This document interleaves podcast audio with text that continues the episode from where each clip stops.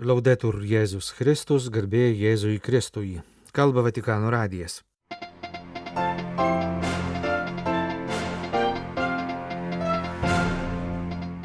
Gruodžio 13 sukanka popiežiaus Pranciškaus kunigystės šventimų 54 metinės. Prasideda konsultacijų etapas besirengiant ateinančių metų spalį vyksiančiai antrai vyskupų sinodo sesijai. Tikėjimo mokymo kongregacijos paaiškinimai dėl mirusiųjų pelenų. Popiežius aukojo Gvadalupės Dievo motinos šventės mišes. Ši šventė pirmą kartą iškilmingai paminėta ir Korejoje. ES vyskupų konferencijų komisijos sekretoriaus pastabos artėjant Europos parlamento rinkimams. Gruodžio 13 dieną sukanka popiežiaus Pranciškaus kunigystės šventimų 54-osios metinės 1969 m. gruodžio 13 d.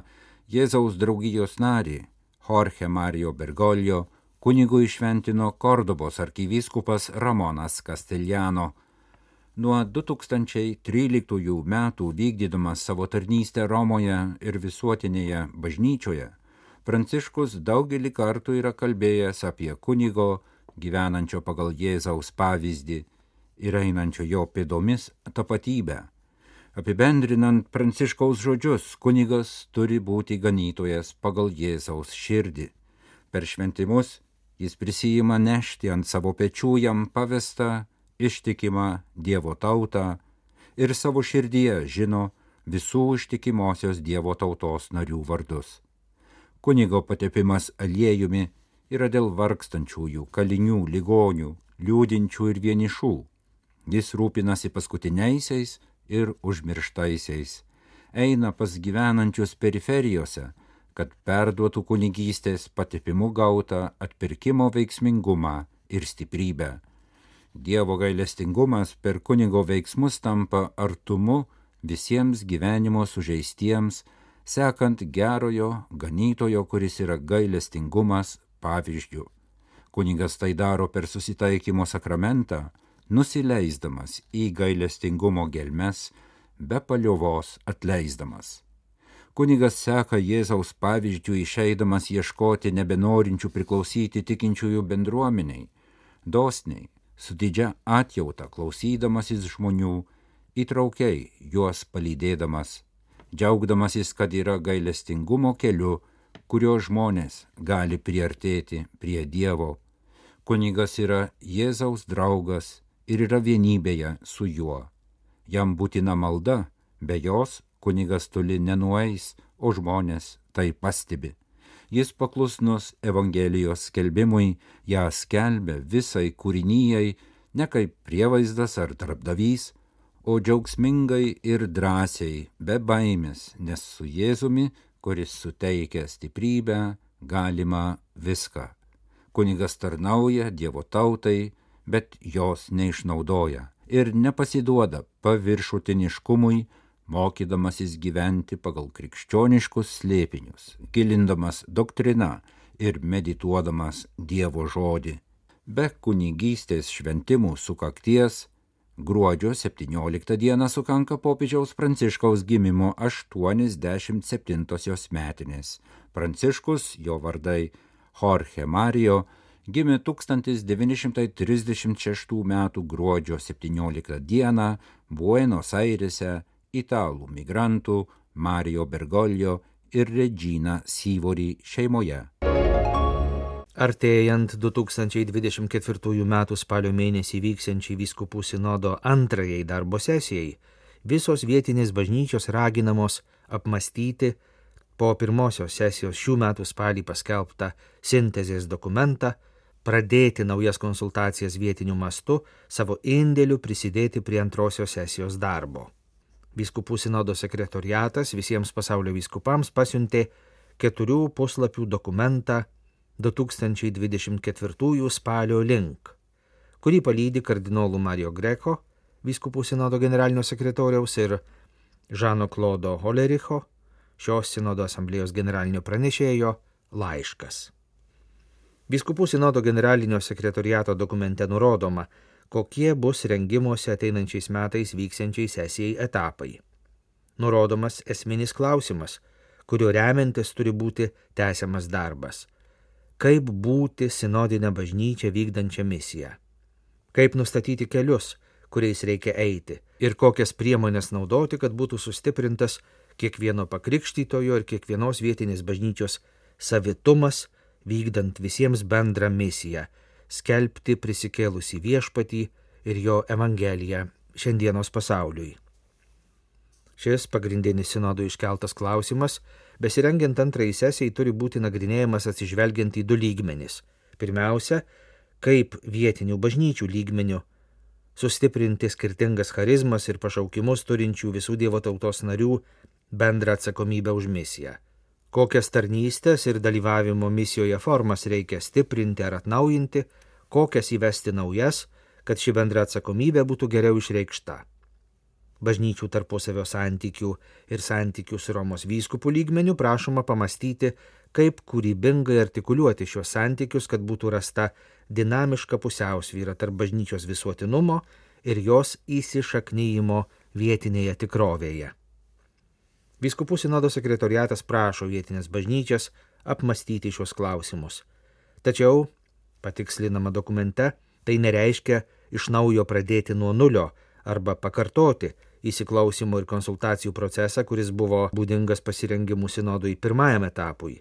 Į šį antrąjį etapą, be jau įsteigtų vyskupijų lygmens sinodinių grupių prašoma įtraukti ir kitus žmonės ir grupės, kurie turi naudingos patirties ir įgūdžių, vykdo tarnystės Dievo tautoje ir kurių požiūris gali būti naudingas.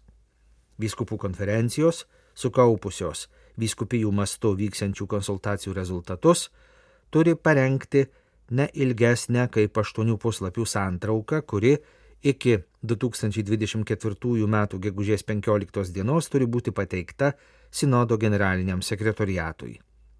Iš viso pasaulio gauta medžiaga bus naudojama rengiant 2024 m. spalio Sinodo sesijos darbo dokumentą.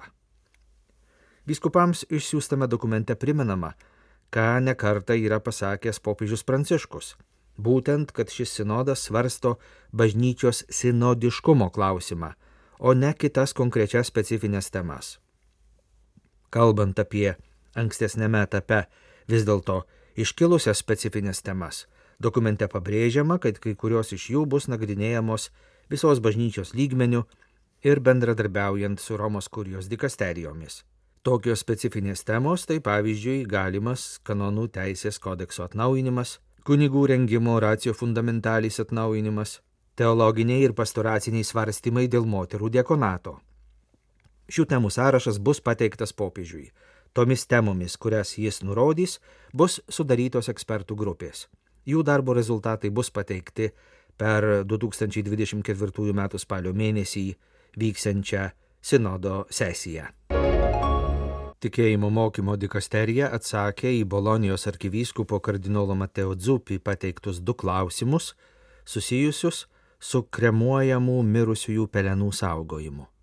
Kardinolas klausė, ar nepažeidžiant kanonų teisės kodekso draudimo išbarstyti mirusiojo pelenus, galima įsteigti apibrieštą ir nuolatinę vietą, kurioje kaip bendrame kape būtų kaupiami ir saugomi pakrikštytųjų mirusiųjų pelenai Taip pat ar galima leisti šeimai dalį mirusiojo šeimos nario pelenų laikyti mirusiojo istorijai reikšmingoje vietoje. Atsakydama į pirmąjį klausimą, dikasterija patvirtino, kad galima įsteigti apibrieštą ir nuolatinę šventą vietą, skirtą kartu saugoti mirusiųjų pakrikštytųjų pelenus, tačiau nurodant kiekvieno iš jų tapatybės duomenys, kad būtų išsaugotas asmeninis atminimas teigiamai atsakoma ir į antrąjį klausimą. Su sąlyga, kad bus išvengta bet kokio panteistinio, naturalistinio ar nihilistinio nesusipratimo ir kad mirusiojo pelenai bus saugomi šventoje vietoje, bažnytinė vyresnybė, laikydamasi galiojančių civilinių normų, gali apsvarstyti ir įvertinti šeimos prašymą tinkamai saugoti mažą giminaičio pelenų dalį mirusiojo istorijai reikšmingoje vietoje. Mūsų interneto svetainėje paskelbėme nuorodą į visą kongregacijos atsakymo tekstą.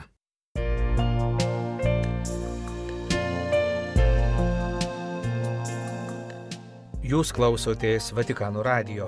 Tęsėme žinių laidą lietuvių kalba.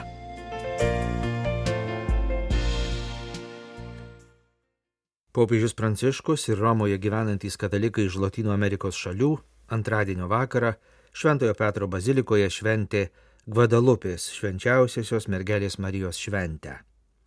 Gruodžio 12-osios liturginė šventė minimas Dievo motinos apsireiškimas įvykęs 1000. 531 metais Meksikoje. Švenčiausiai mergelė Marija pasirodė indėnui valstiečiui Jonui Didakui. Jo apsiaustę stebuklingai išliko atvaizdas, kuris iki šiol yra saugomas Gvadalupės Marijos šventovėje, Meksikoje. Gvadalupės Dievo motina yra paskelbta visos Pietų ir Šiaurės Amerikos dangiškąją globėją. Šiandien, kai švenčiame šią mylimą šventę, pirmiausiai galva ateina švenčiausiosios mergelės atvaizdas, įspaustas paprastame valstiečio drabužyje, kurį šiandien gali pamatyti Dievo motinos šventovę lankantis piligrimai, sakė Pranciškus Mišių homilijoje. Pasak jo, tas visame pasaulyje gerai žinomas Gvadalupės mergelės Marijos atvaizdas - tai viešpaties pirmosios mokinės atvaizdas, tai visų tikinčiųjų motinos atvaizdas, tai ir visos bažnyčios įvaizdis, tai paveikslas įspaustas nuolankume to, kas esame ir ką turime, kas iš šalies žiūrint netrodo labai vertinga, bet iš tiesų yra didinga tiek, kiek sugeba perteikti Dievo žinę. Popiežius ragino atidžiai įsiklausyti į Gvadalupės mergelės Marijos žodžius. Argi nesu čia su jumis, argi nesu jūsų motina? Švenčiausiosios mergelės buvimas turi likti visam laikui įspaustas kukliuose Dievo tautos narių rūbuose, kvepiančiuose, paprastais meilės gestais puoselėjamomis dorybėmis. Pranciškus atkreipė dėmesį į vieną pasakojimo apie Jono Didako susitikimo su Dievo motina detalę - į valstiečiui indėnui skirtą išmėginimą. Švenčiausiai mergelė paskyrė jam antrą susitikimą, tačiau Jonas Didakas į jį neatvyko, nesužinojęs, kad jo dėdė serga, nuskubėjo jam padėti. Jonas Didakas turėjo rinktis tarp klusnumo Dievui, atskiram nuo žmogaus, ir klusnumo Dievui tarnaujant sergančiam žmogui. Maldoje viską apmastęs, Jonas Didakas suprato, jog Dievo motina nori, kad jis neštų Dievą sergančiajam. Švenčiausiai mergelė nusišypsojo, kai pamatė, kad Jonas Didakas išlaikė išbandymą, aplankydamas ligonį. Iš tiesų, sakė Pranciškus, jei sugebame pasiekti žmogų, atnešti jam Dievo meilę, siekdami ne savo, bet jo gėrio, tada galime sakyti, kad pradėjome statyti tą šventovę, kurią pastatyti mergelė Marija prašė Jono Didako. Tai mums visiems skirta užduotis. Turime imtis atsakomybės už bažnyčios kūrimą, turime dauginti darybės ir liudyti, kad Dievas įspaudė savo atvaizdą mūsų širdyse. Gvadalupės švenčiausiosios mergelės Marijos žinia ir mums labai svarbi, pažymėjo Seulo arkivyskupas antradienį gruodžio 12 dieną sostinės katedroje aukojęs pirmasias Korejos pusėsalyje Gvadalupės švenčiausiosios mergelės Marijos liturginės šventės mišes. Jos žinia itin aktuali nūdienos iššūkių visuomeniai atžvilgių, tokių kaip savižudybės, abortai, tikėjimo silpnėjimas, socialiniai konfliktai ir krizė Korejos pusėsalyje. Mišių metu Mejondongo katedroje sakė Petris Sontaik Čungas, nuo 2021 metų einantis Seulo arkivyskupo ir Pchenjano apaštališkojo administratoriaus pareigas.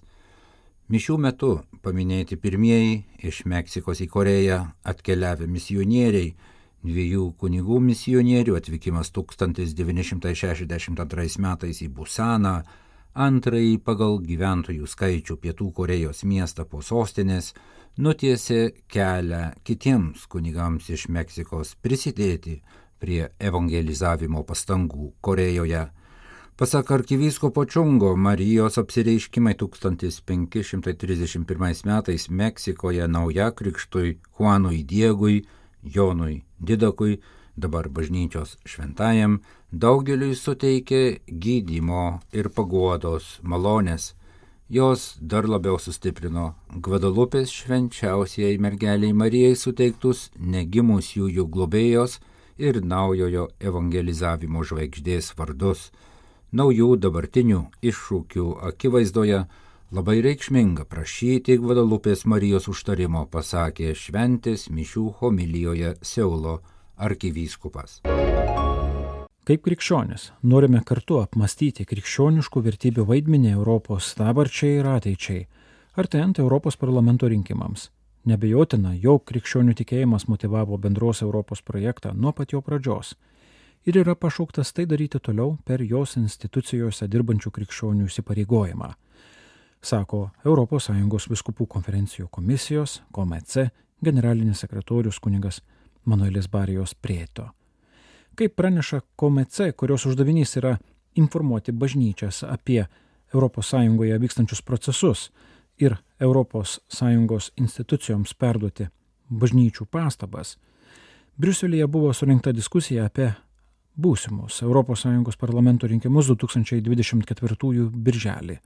Be pačios komice diskusijoje dalyvavo Europos bažnyčių tarybos ir tarp parlamentinė ortodoksų asamblėja, katalikiškų nevyriausybinių organizacijų nariai, ES pareigūnai. Diskusijoje pažymėta, jog Europai reikia ne vien gerų politinių struktūrų, bet ir pamatinių vidinių įsitikinimų bei vertybių, o kartais bendruomenių ir tautų susitaikymo. Visose šiuose sritise krikščioniškų bažnyčių indėlis labai svarbus. Šiomis dienomis Komice generalinis sekretorius kunigas Barijos dalyvavo Europos liaudės partijos, vienos iš skaitlingiausių Europarlamento partijų, Santiagė de Compostela surinktoje diskusijoje apie ES kultūrų ir religijų dialogą. Šiame kontekste Komice pareigūnas pakomentavo lapkričio pabaigoje ES teisingumo teisme priimtą nuosprendį, kuriuo patvirtintas vienos Belgijos savivaldybės draudimas neutralumo vardu, priimtas vienos musulmonės moters atžvilgiu, turėti išorinių religinių ženklų arba simbolių. Pasak ES teismo, draudimas turi būti taikomas visiems išoriniams filosofinių ar religinių įsitikinimų ženklams bei simboliams. Kita vertus gali būti nutarta leisti, atsižvelgus į galiojančias normas tokius simbolius tarnautojams nešioti. Nors šis sprendimas liečia tik labai lokalų atvejį vienos šalies teisinėje aplinkoje kilo klausimas, ar jis turės pasiekmių gerokai platesnėje diskusijoje apie religinių simbolių ir viešos erdvės santykį. Kaip žinia, iš vienos pusės tvirtinama, kad pašalinti tokius simbolius reikalauja neutralumas, o kita pusė klausia, kas lieka iš religinės laisvės be galimybės ją išreikšti. Komice generalinis sekretorius kunigas Barijos linkėjo, kad paprasti dalykai būtų išspręsti paprastai, jų nesutirštinant, siekiant sveikos pusiausvėros tarp pluralizmo, neutralumo ir religijos laisvės.